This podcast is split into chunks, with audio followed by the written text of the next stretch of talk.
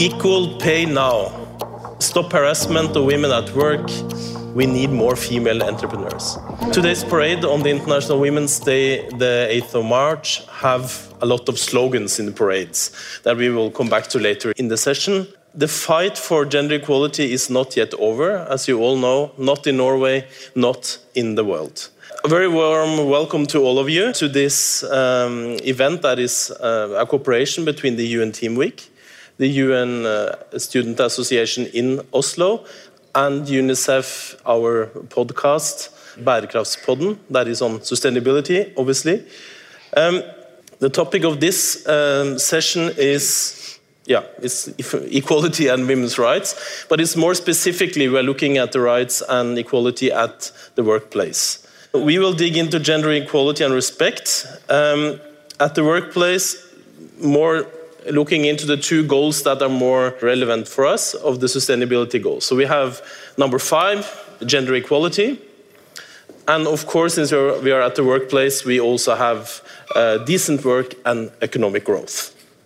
Then, two of the targets in those two goals are um, the, to ensure full and effective participation at work, but also in all levels, management position and at you know, all the other levels at work, but of course also the full and effective participation in employment. Um, but let me then introduce the, the panel to you. Uh, you have you have already, I think you have the, you have the pictures, but you don't have the titles. So, from the, the right, we have the Minister of uh, Industry and Trade, Mr. Torbjørn Røe Isaksen. A big applause for him.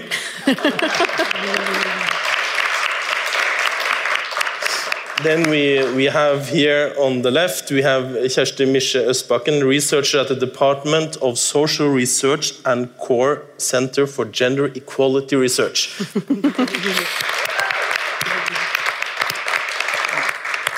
then, of course, we have Kari Elisabeth Kaski, uh, Member of Parliament for the Socialist, Socialist Left Party, here on my right.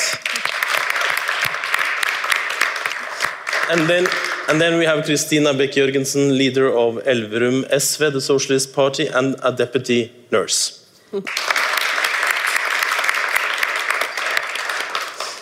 you can all participate in the in the session by sending in papers with questions throughout the whole session. So send it up here, and I will then choose some of the questions and turn it to the panel. So there are some people around here that, or if you haven't gotten paper sheets, there should be around, you know, just turn it, give it here to, to us, and then she will hand it in to us. But then let's start the, the panel, and I'm giving the word first to the researchers to give, give us a short introduction to some of the challenges. Very short, because it's supposed to be a conversation, and we want all of you to engage, so uh, go ahead. Yes, thank you very much. Well, we often hear that uh, there is not equal pay uh, uh throughout the world, for, uh, and also in Norway. Uh, and uh, that's correct. Let's see. It doesn't work. Okay. Okay, so um, in Norway we have a gender pay gap. Um, at the uh, uh, core Center for Research on Gender Equality.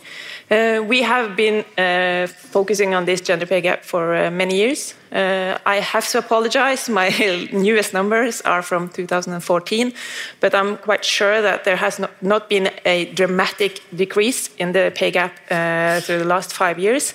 So I'm quite confident that we're still on a gender pay gap of 12% uh, in Norway. And this is uh, based on hourly wages, so, so full-time, part-time differences are not really relevant uh, here.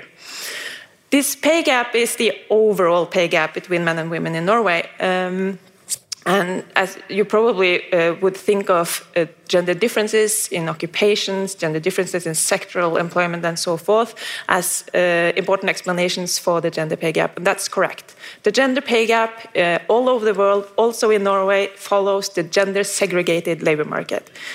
Male dominated jobs are paid better on average than female dominated jobs. If you go to the next slide, thanks. This pay gap is not uh, the same all over the uh, wage distribution. um, in fact, the pay gap is lowest among the low paid, it's about 6%. And then in the middle of the wage distribution at the median, which we can think of as a representative person in a sense, it's 8%, and at the top it's 20%. Mm. Meaning that in Norway and many other countries in the world, men have the highest wages uh, and they are extremely uh, high compared to high waged women. Thank you. Uh, turn to you, Torbjørn. So we, we, we jumped straight into a very specific topic here, but a couple of words on you know equality in Norway, but then obviously also an answer to to the challenge from uh, from the researcher here. That yeah.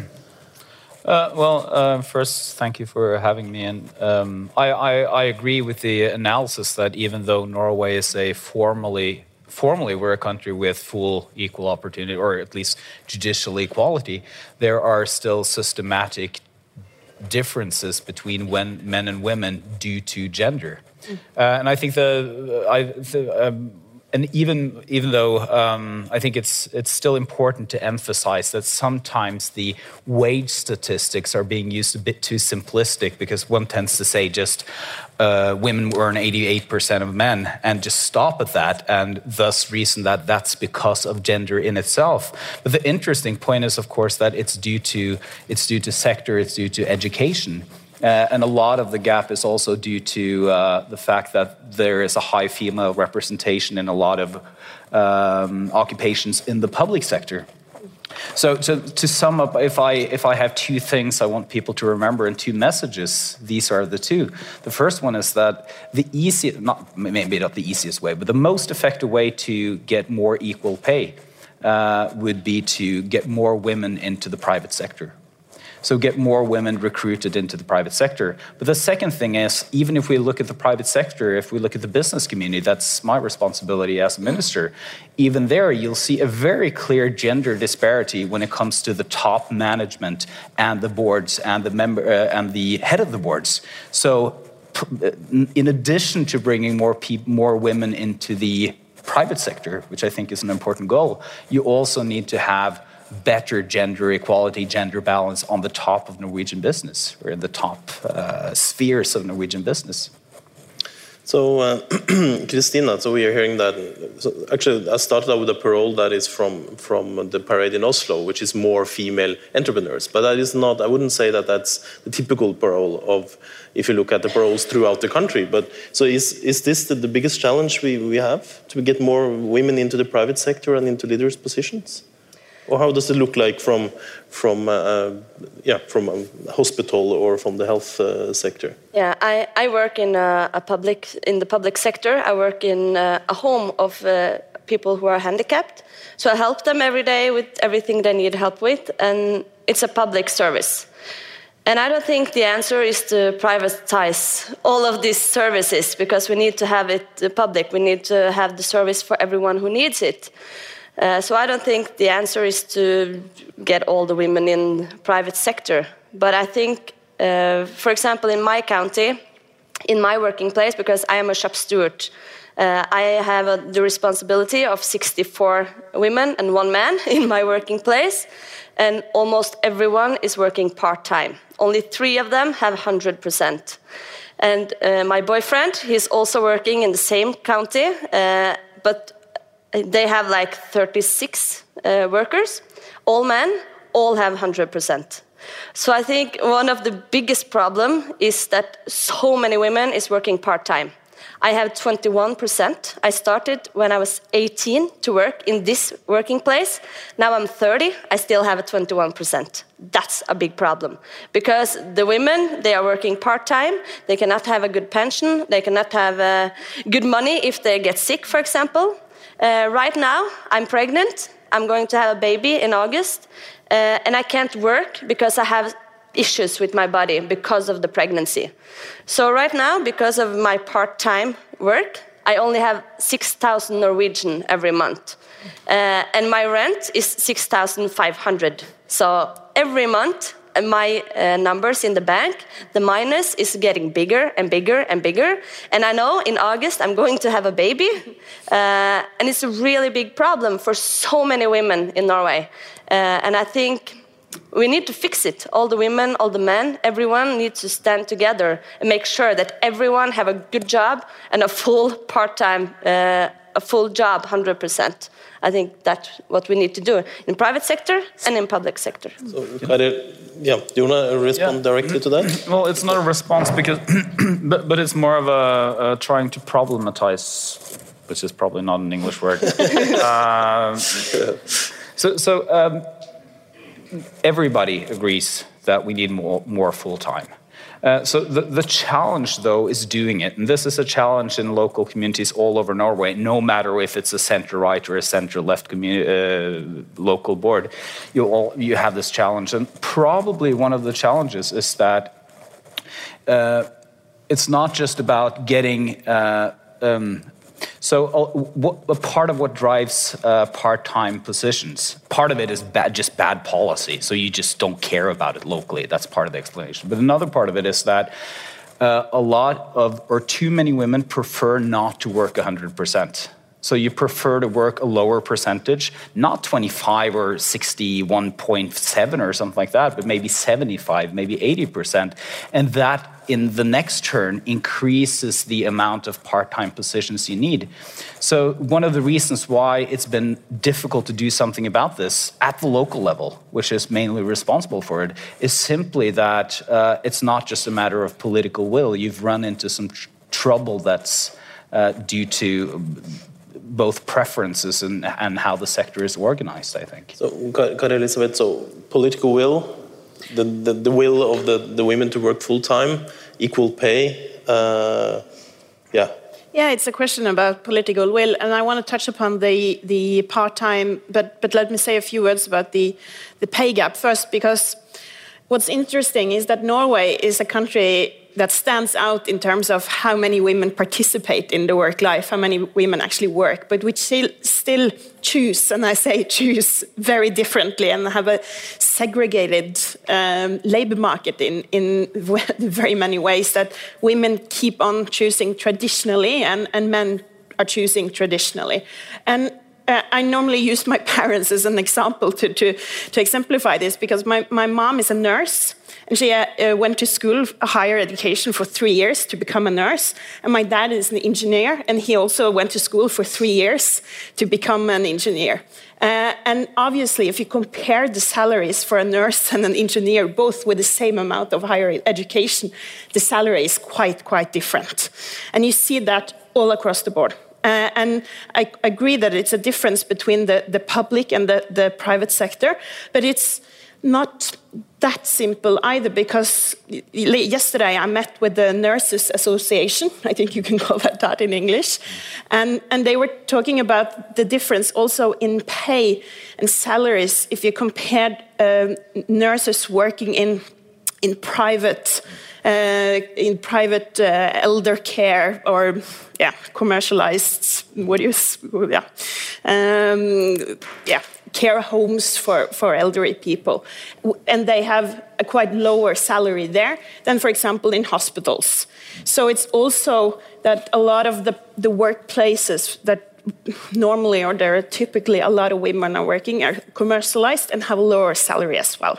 So we need to do something about the differences also just in, in terms of what do you pay people with the same amount of education. And I think that's also an important step if you want to, to sort of level out what kind of education and what kind of work do women and men seek. Um, and if you want to have more men, for example, to become nurses, you also have to look at the salary to, to even that out. And then you have the, the, the, what's happening at the workplace. And I think that's I mean, we have had a lot of uh, proposition in, within the parliament, but also locally to, to create a full-time culture in a way in, in communities and in the, the public sector in general. And I think it's about how you organize the workplace. And, and, whether you're willing to organize the workplace differently so that people can, and women and men can have a full time job. And a lot of the nurses, for example, that I met with yesterday are talking about uh, a workplace where it's practically import, in, impossible to, to work 100% full time throughout a career. And I'm interested in hearing, Kjersti, what does the number tells us? I mean, now we hear two politicians that seem to be quite, you know, they are more agreeing than traditionally, perhaps. But there, there are some ideological uh, divides here, obviously, between private, public. Uh, you know, uh, do they want to work? Do they don't want to work? You know, that sort of. So, what could the numbers tell us? Uh, well, if you, if you dig into the statistics uh, on part-time and full-time work from Statistics Norway, uh, the newest numbers are that 36% of all employed women work part-time, and then. Sorry, can you repeat that? 36. 36 percent of employed women work part-time, uh, while men, well, 15% of employed men work part-time. And here I'd like to add one um, one thing, and that's uh, in Norway, uh, part-time is very often what we call long part-time. It's not necessarily uh, 10 hours a week or so. It's more common for part-time women in Norway to work more than 20 hours uh, a week. Um, and another interesting fact about the, uh, the part-time uh, part-time work among women is that it's it's quite high in sort of lower age groups, below 30 years. They're probably students or at the beginning of their career. They're taking on short uh, short hour work for uh, many reasons. But then we also see that among women over 50 years, uh, the uh, share of uh, part-time workers are, are, also very high. Um, and uh, more recently, the, um, we've seen that uh, part-time work among uh, women with children, um, mothers, have decreased from nearly 40 to 30 percent from 2006 to 2016, which is a dramatic drop. Uh, so mm, this tells us that there might be some cohort effects uh, in this um, uh, part Can you explain? Yeah, yeah. That, that older women they started uh, their careers in another type of society with another type of, of uh, uh, labor market with. Um, they did not have uh, like uh, uh, childcare uh, at the same level as we do now, uh, and so on. And the sort of part time was their way of getting both work and to care for their home and family. Uh, and this system sort of stuck in their careers, and then they're still on these part-time contracts. But it could also, I'm, I, I'm not, it, I don't know if this is a cohort effect that, that we just can just relax and sit back and say that okay this will sort of disappear when when older women uh, go into pension. That's not uh, what i'm saying. I'm saying it, it might also be a, a, a, life cycle effect that as women if women work full time for some period of their of their life they want to sort of step down and go into part time that could also be effect. So it is an empirical so, question whether this will uh, so basically we, we don't really know well, we know so. I mean, we know we know quite a lot. We see that uh, young women today work full time at a higher rate than they've done before, okay. uh, which is uh, positive. Uh, in, in, this uh, concerning this question, we don't know how this will uh, evolve further on. But let's, um, yeah. But I think Kari Elisabeth one first, and then Torbjørn after that. Now, just to I mean, there are examples that it's possible to do something about this politically. For example, and, and these are examples, so it, it doesn't mean that you can do exactly the same everywhere. But in 2011 to 2015, in Gamvik kommune municipality, uh, we had a SV, um, uh, SV ordfører, mayor. mayor, thank you, um, called Inga Mandal, and she and and the people and the parties that would rule the, the, municipality for that period of time, they created this full-time culture, and they reorganized the whole uh, um, the whole system of of uh, senior care and everything within that municipality, and they managed to get rid of all the, the part-time and created full-time jobs for particularly the women working there. Um, and they also did that. Um, and, and saved money on it for the, the, the, budget for the municipality. So it's an example that if you're willing to go into, you need to talk to the people working there, you need to work together with them and how you organize the workplaces, and then it's possible actually to do something about it. And it's, I mean, uh, it's something that we should be concerned about because obviously uh, women are the ones losing money here, losing. Um, losing opportunities here, but I think that there, it's a complex reasons because it's both those who can't get any full time, but it's also those who reduce their, their own work and, and have a 80% and work 80% just to make the life work out.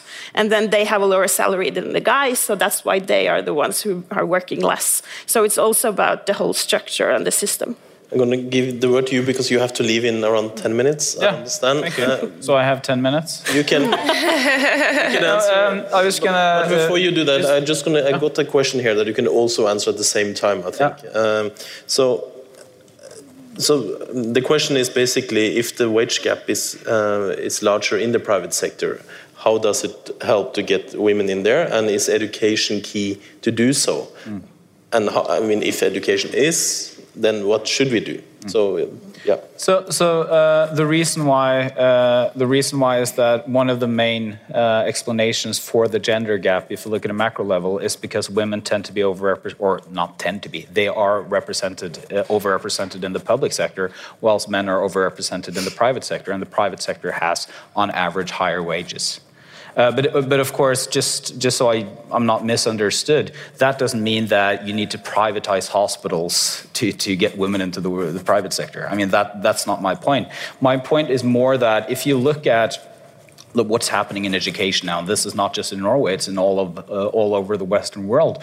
You see that women are increasingly going into what used to be male bastions. You know, if you go just 30 years back, the cliche was a male doctor and a female nurse. Uh, now, for several years, there's been a majority of women in medicine uh, in Norway. Uh, it's the same in law, law schools uh, in Norway. You see a majority of women. Uh, you'll see that increasingly, I think, also in technology, engineering, subjects like that. So, what, what our problem, though, is that that doesn't translate necessarily automatically into more women going into both the private sector, but also reaching the top of the private sector.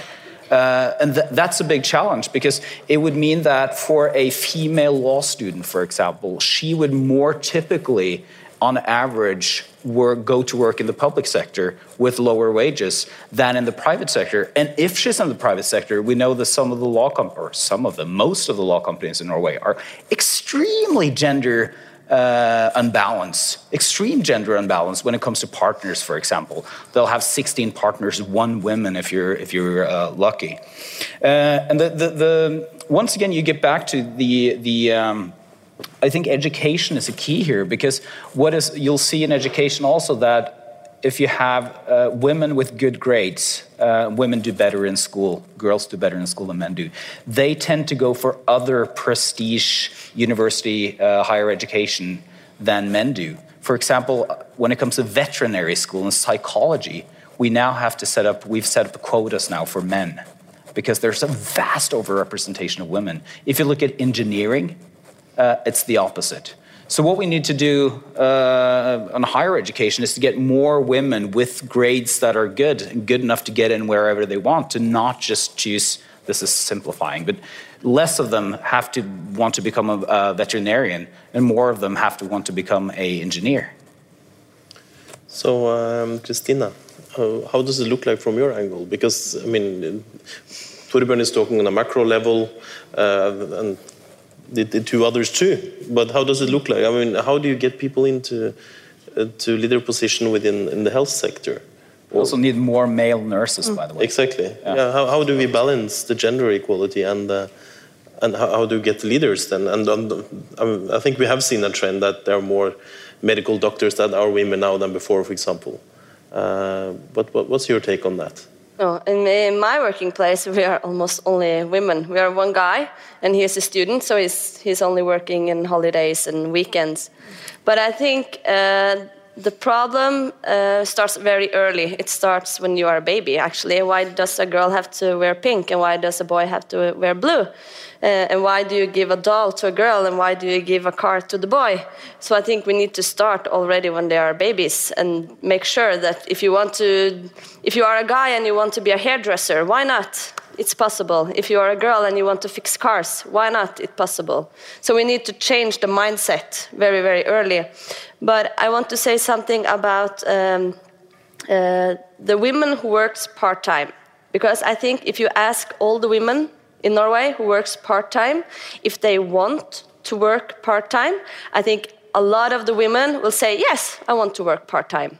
And that's, I think that number is so wrong because, for example, you have so many students who go to school and they want to work part-time when they are going to school because they want to have a little bit extra money. A lot of people have uh, different kind of problems. For example, maybe they are sick, so they can't work part-time, uh, no full-time. And I also think of, in my working place, I asked all of the women, do you want to work part-time? And everyone who said yes, I asked them, why do you want to work part-time?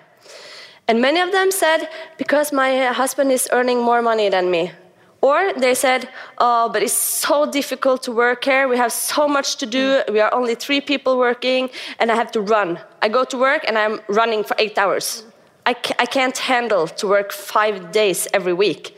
So that's a huge problem because the women are so, they have so much to do in the working place, so they can't work 100%. Awareness is also in my kindergarten, for example. They have they have a program where they they try to see they've tried to monitor themselves and see do we treat boys and girls differently, and and of course this is we're in a society where a lot of this is more subtle. It's not very it's not very clear. But for example, we have good research from kindergarten that shows that uh, boys get attention faster while girls uh, tend to be more ignored. So you, will say to a boy, okay, the moment he comes and says, blah, while the girl is told to just wait for a moment, just wait for a moment. And this, again, you could probably see, uh, see in the fact that throughout schools, girls um, have more self control.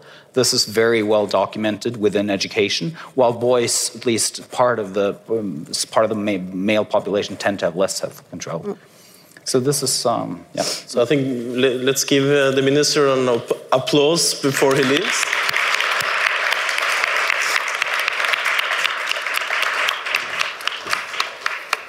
Then I turn to you, uh, Elisabeth. So, so, what is your take on this? Can, can politically, can we do something about the, the attitude of people, or is this more on a personal level?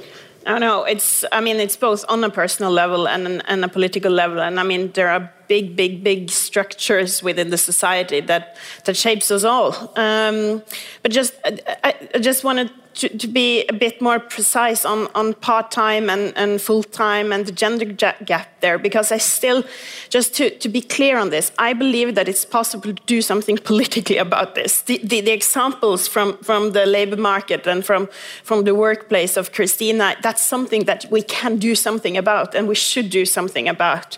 Uh, it's how you organize the workplace. The unions in Norway should be more um, to be challenged more on on uh, on how to make sure that we have um, equal pay. For example, there's a good uh, piece on that in uh, in the newspaper Klassekampen today from from various uh, uh females in Fagforbundet who has written a piece about that how the unions could play a part in the way we are uh, negotiating salaries in Norway in order to to make sure that those those professions where there's most amount of women, you need to raise their salaries. That's extremely important to do, and uh, we need to make sure that the the, the, the working life and how these professions are where you see a lot of women that it's possible for women and men to, who are working there to actually work there full time. Nurses don't work after they're 55 in Norway as nurses because they're worn out. They, they can't work anymore as nurses after they're 55. So it's still a lot to do on those areas as well. So, so we have already hear, heard about sort of the, the, the long hours and the challenge with obviously with I mean I hate to say this, the challenge with pregnancy, but I mean the, the challenge of people want to working less time because of age and because of other reasons. But um, there's another parole, uh, another slogan in in um, in many of the the uh, parades throughout the country today, and that is, um, I think I think the the the one in Tromsø it says "Me too, take me seriously, not on the bottom." Mm. Uh, Uh, does that affect um, if uh, women becomes leaders and how they participate at work? Anyone that want to comment? Yeah. Yeah, go ahead. yeah, uh, with, actually, because we are uh, the Parliament is is going on Tuesday to to vote on a proposition that we have uh, been presented, and also the party, uh, the Red Party, has presented in in Parliament in terms of sexual harassment in in workplace. Uh, and in the labor market. And, and numbers are quite astonishing. One out of five um, uh, people working in the hotel and restaurant industry and in the healthcare industry are sexually, uh, uh, sexually harassed at work. One out of five. So the numbers are extremely high. Uh, and that's something that we haven't been talking very much about. And I, I mean, female leaders are, of course, important, but this is a cultural challenge as well, and something that it's a legal challenge, basically, that's uh, not being taken seriously enough and should be. And you need to, and what we also proposed, for example, is make sure that sexual, sexual harassment is much more. Um, is much more clear in the, in the in the laws that we have for the labor market, and that's something that I think that we need to discuss even more and, and take more seriously. And, and Christina, what's your take on this? I mean, seen from yeah from the workplace, what should be done on this? I mean, one thing is obviously to you know to have laws, perhaps have an international convention, but as long as it doesn't go down on the workplace, it doesn't really make a difference, does it? We need to work with it uh, all the time. And I think, uh, for example, if uh, a, a, woman and a man is saying the same thing, for example, here now, uh, maybe when they are finished, they will go to the man and say, Oh, I really like this argument and I really like this and blah, blah, blah. And they go to the women and they say, Oh, you have so nice hair today and I like your jacket. And I think that's a problem in the society. And in Norway, that you you you treat the women and the men different. And i think we have so many strong women who wants to say what they mean but maybe they are too scared because all they get back is oh you you look so nice in your hair today. And we want to have respect. We want to we want people to listen to us and say that we are doing great because we are saying good things and not because we dress nice. So we need to respect the women. Mm.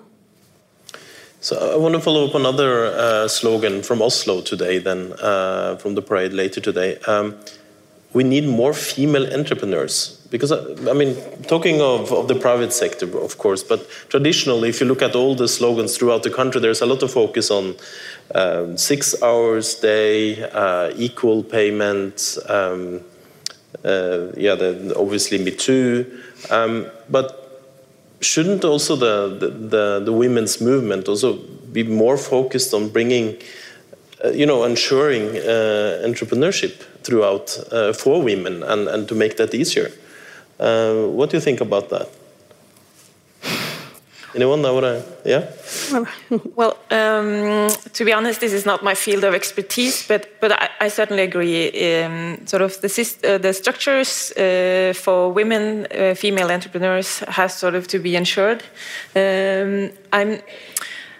I, I mean. Um, many we have a focus on, on, on, employment, being an employee, and many of our of the rights in our welfare system are very strongly connected to being employed. Uh, and while while sort of uh, entrepreneurs and self-employed have different rights uh, and different challenges in that respect, and maybe that's one of the structural barriers for women more than for men. Maybe. Um, so, so, so one could sort of uh, think of uh, um, ways of uh, sort of um, helping women uh, through that process. Um, yeah. So I, I, I, mean, maybe the politicians or have something else they want to focus on here. Well, you know. I think that one of the most important things to have more female entrepreneurs is, is to make sure that we have and keep on having a good welfare system. And I mean, it's so simple that you have a child care for your children uh, during the day, and that's working out and is easy for you, and that you have the safety net that means that you're able to, to take risks. And that you can actually go for having a startup and, and not being sure how it's going to go because there's a safety net there that's going to take care of you. And, and, and we need to improve that, especially for entrepreneurs, and not only women, but, but perhaps especially if you want to have more women because they perhaps need more security and want to have more security if they have children, for example, or planning to have children, that you, that you make sure that the welfare system we have today is more, uh, is more uh, yeah, it works out better for, for entrepreneurs. But, but I also think, and that is the same with female leaders, that you need more female role models, more female, female mentors also. And that's something that the startup community, we have a strong startup commu community here in Oslo. I, my, it looks like they're becoming more and more uh, aware of that and are improving in make sure that you showcase female entrepreneurs and make sure that they are mentoring also other female entrepreneurs. So I think it's important. It's not uh, I mean, you're not. I don't think we can expect a revolution in terms of equality in, in Norway if we have more female entrepreneurs. But obviously, it's important because you have a lot of women, women who we're not fully uh, using and, and exploiting their their their um, uh, their. Um, brains in a way because there are so many male entrepreneurs. So it's uh, it's something that we are really missing out on in Norway. Do you, Kjersti, do you by any chance have numbers on, on the the share, more or less? Do you remember any numbers on, on like female male entrepreneurs? But no. I'm sorry. Uh, we'll come back to that in um, another episode. so, that's fine. Good. Um, we, are there more questions from from the audience? Uh, yeah, go ahead. We can take it. Yeah.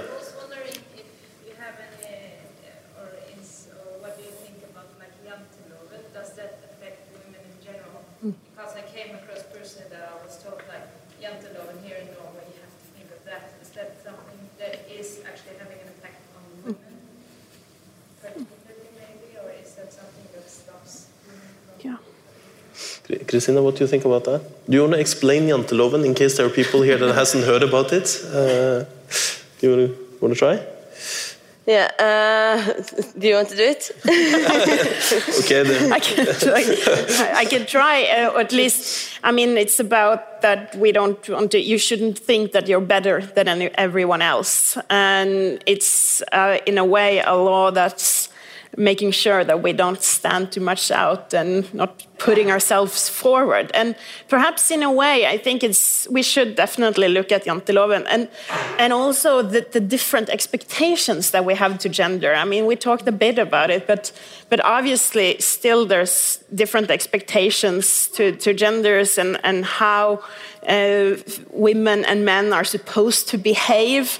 Uh, and there's something that I've been um, concerned about before because I still think that you see different expectations to, to especially women that that sort of stands out in a way and, and they still get tend to get different questions. I mean, more, more an example you you generally see if there are female leaders, uh, female um, uh, uh, sports women who are, are having uh, who are winning the gold medal, they often get questions about their family life or, or whether or not they how's your child, how's that working out? How, um, does the, your man does he have to do more now that you are making your career? And and men typically typically don't get the same amount of that, that kind of questions. So I still, I mean, obviously there's still different expectations there that we need to be aware of, and we need always to to sort of notice and talk about so that we can try to level it out. But do you feel like you, you can't stand out? I, th I think that, uh, like Torbjørn said from the kindergarten, that the boys they get help first, and the girls are like, okay, you have to wait. And I think you can see that in in the women when they grow up, because, for example, in uh, a discussion, maybe the lady's like, oh, okay, no, you can go first, and they're very, oh no, you can. But I think the the ladies should say, no, I have something great to say. I should go first. And uh, I have been in um, the working union for a very long time, and one of the uh, biggest thing we have done in the youth uh, is that when we are having a conference or we are, yeah, are gathering and we are saying to people, oh, do anyone have questions? And if we see that, oh, it's a man, man, man, man, man, man, we say, okay, then you can go first. Then we take the lady as a number two. And then we're taking man, lady, man, lady, man, lady. I think that's one thing you can do to make sure that the women also get heard and can use their voices. Um, so it's a lot of things you can do, but I think we also need to do something with ourselves uh, to Yeah, because, raise uh, our voice. Just got the question here now. So how can we, we change the, the sort of attitude that female leaders are hysteric and sensitive, while men are, uh, you know, st uh, strict and firm, and you know, like sort of. How, how can we change that? I mean, obviously, this is a stereotype of, of the situation, but I'm, I'm sure many of us have seen that sort of, you know, how you talk about uh, the new executive director if it's a man and if it's a, if it's a woman, or the the member of parliament uh, um, if it's a woman and not a man. So, so, what do you think about that? I mean, how is it possible at all to change it? Well, you know, it's been done research on it, and it shows exactly that women and, and are being judged differently. That a female leader is being judged harshly, that more harshly than the man.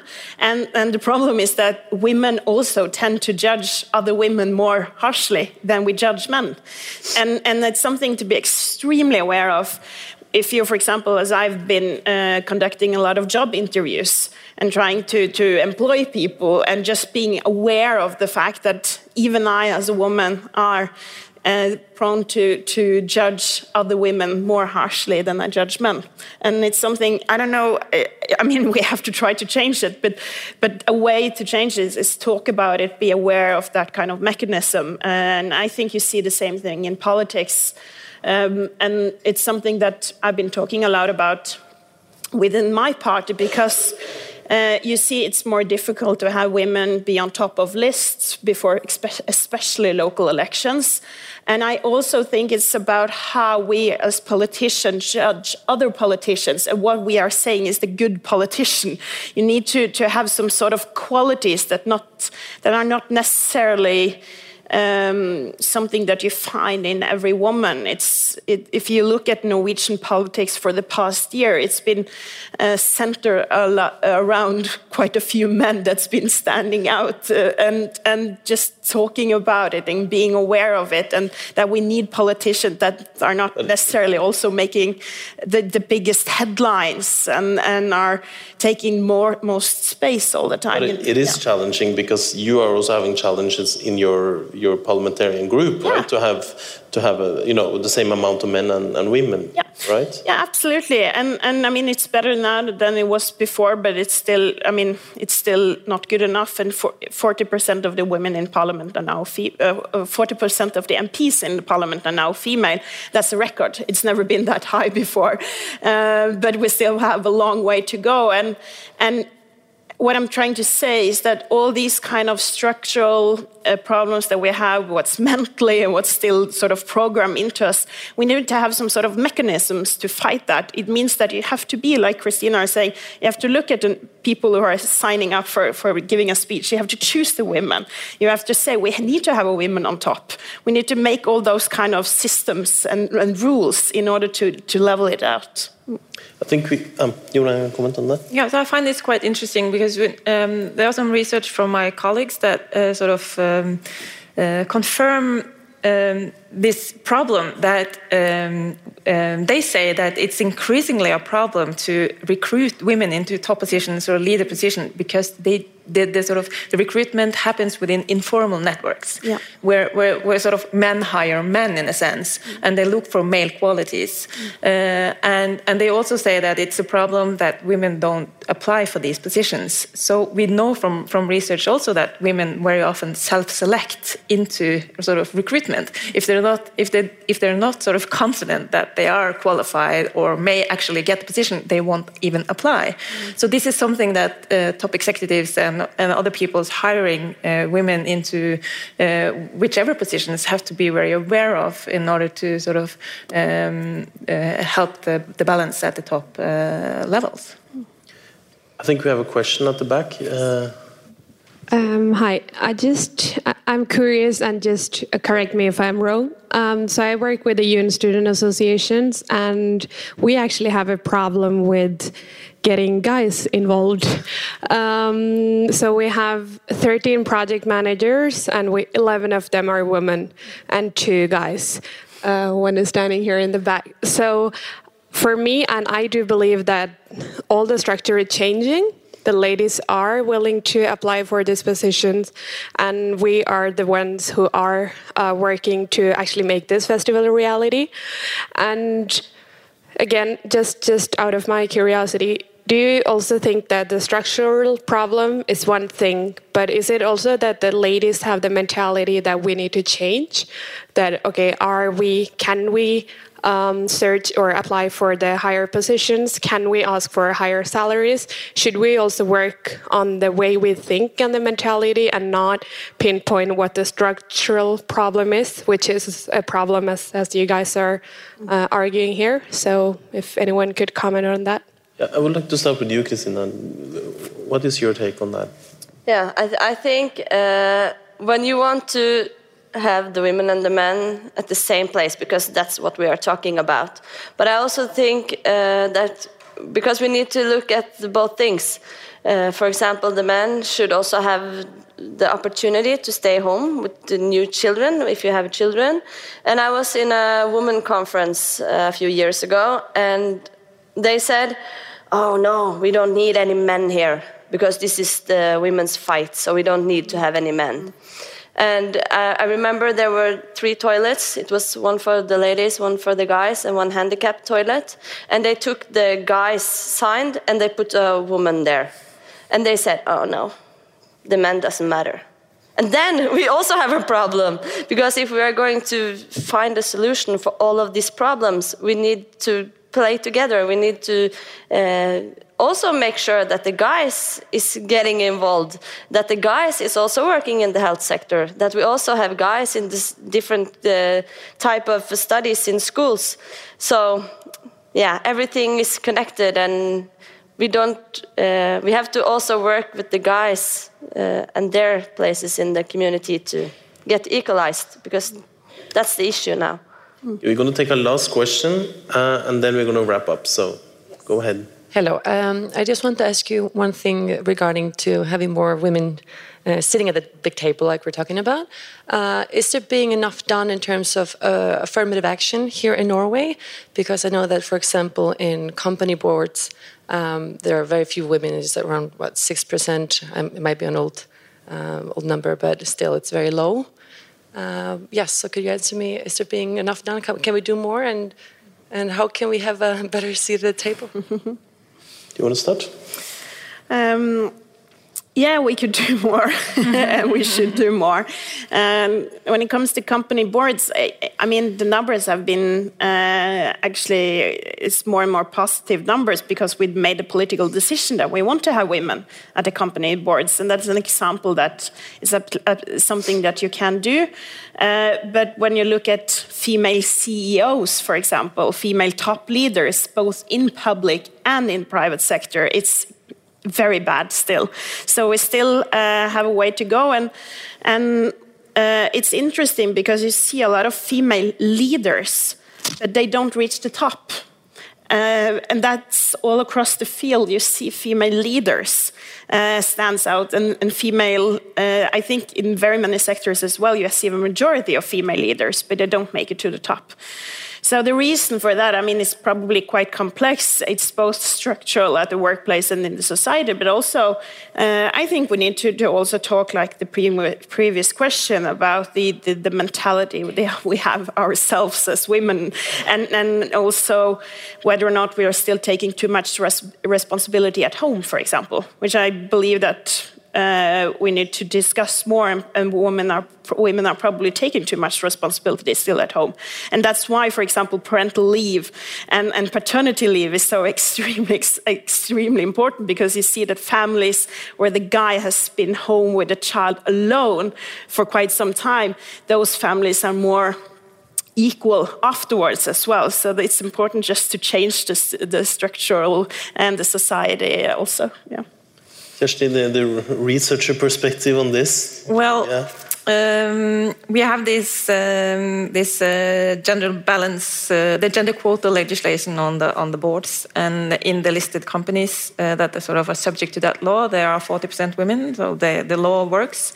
So the ripple effects uh, are uh, not um, there. We see. Uh, I've done some research myself on the sort of ripple effects of the gender quota uh, legislation, and it does not really lead to more uh, female leaders or the increase their pay or, or anything.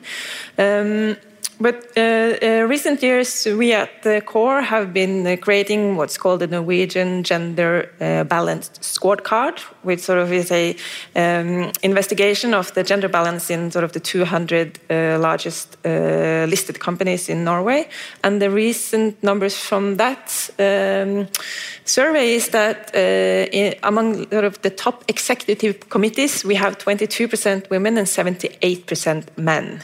Um, it's been a slight uh, increase in the female share uh, over time, but it's it's it's a slow uh, process. Um, and it's only 21% of the 200 largest companies have a female CEO. Uh, and although these uh, boards are more gender balanced uh, overall, it's only the companies that are sort of subject to the law that apply to the law. So it's the female share is lower in in, in the large companies that are not subject to the law. And we also see that there's a very structural difference. Uh, men dominate in the operative positions uh, uh, where they have sort of a, a responsibility towards the result of the company or so forth, and women dominate in what we call staff positions positions. I mean, HR, uh, sort of the management of some some sort, uh, and you need this operative um, experience to to rise to the top of, uh, of the executive committee. So it's a it's a structural barrier as well. So um, we still have uh, some potential here. Uh, that's uh, that's quite clear. Um, and I, I mean, it's you can think of uh, public politics. Maybe there should be some political solutions to this, but I also feel quite confident that um, sort of uh, in order to get this change, uh, we, we, we, need leaders and we need uh, managers that sort of are committed to the task. Uh, and they need to work sort of systematically at every level, uh, including sort of labeling toilets uh, and, and also creating good workspaces fighting for uh, equal pay and so forth. Uh, policies alone are probably not enough. And then, Christina, you will get the famous last words because we are about to wrap up. Please yeah. go ahead. Then I want to take it back to, to local level. Uh, and I have been a member of the union since I was 14.